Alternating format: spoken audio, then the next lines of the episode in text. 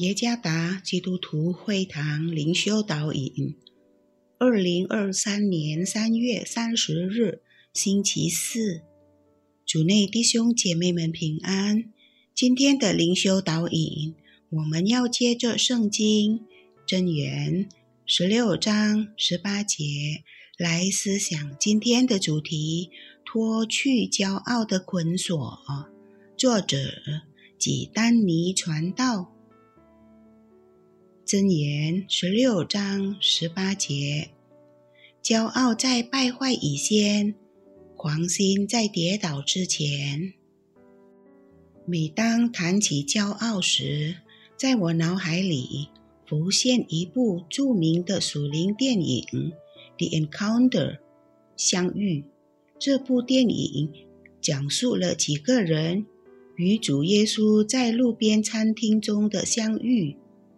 他们无法继续旅程，因为道路已封锁。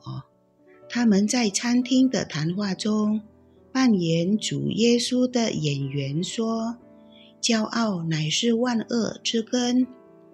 人们犯了许多的罪，因为他们觉得有资格做出选择。”我觉得这很有趣。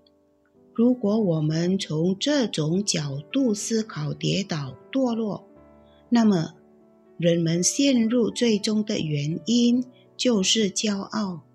他们要将自己与上帝同等，这似乎已成为人类的倾向。一个简单的例子：当我们与他人合影，看到相片的结果后。我们一定会专注于照片里的自己，但骄傲不是出自于这方面，乃是在我们开始于与他人进行比较之后，感觉我们是最好的，并开始瞧不起他人。在这段经文中，箴言的作者。提醒我们骄傲的危险性。骄傲是我们败坏的开始，因为骄傲的人自己关闭了各种的修正，因此很难接受信心的改变和成长。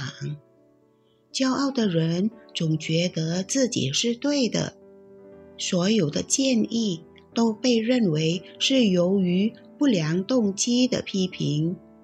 另一方面，骄傲的人一定不是被人喜爱的，因为骄傲的人倾向于粗鲁行事，而不需要考虑别人。